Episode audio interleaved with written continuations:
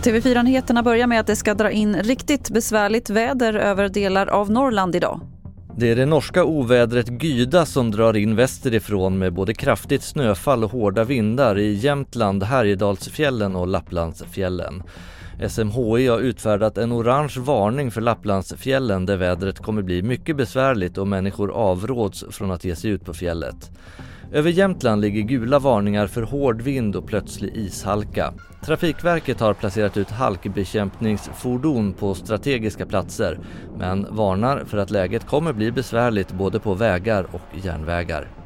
Reporter här var Stefan Gillgren. I Åre håller grundskolorna stängt resten av veckan på grund av ovädret och i Krokoms kommun är skolorna stängda idag och imorgon. I Borlänge har tre personer gripits misstänkta för mordförsök efter att en man hittats skadad i en lokal i stadsdelen Kärna Ängar. Larmet kom in sent igår kväll och platsen spärrades av. Den skadade mannen fördes till sjukhus men det är oklart hur allvarliga skador det handlar om. Och till sist kan vi berätta att Miljöpartiets EU-parlamentariker Alice Bah Kuhnke kandiderar för att bli talman i Europaparlamentet. Huvudfavorit för uppdraget är annars en politiker från Malta men enligt SR tycker den gröna partigruppen inte att hon är tillräckligt vass på klimatområdet och därför lyfter de fram Kuhnke istället.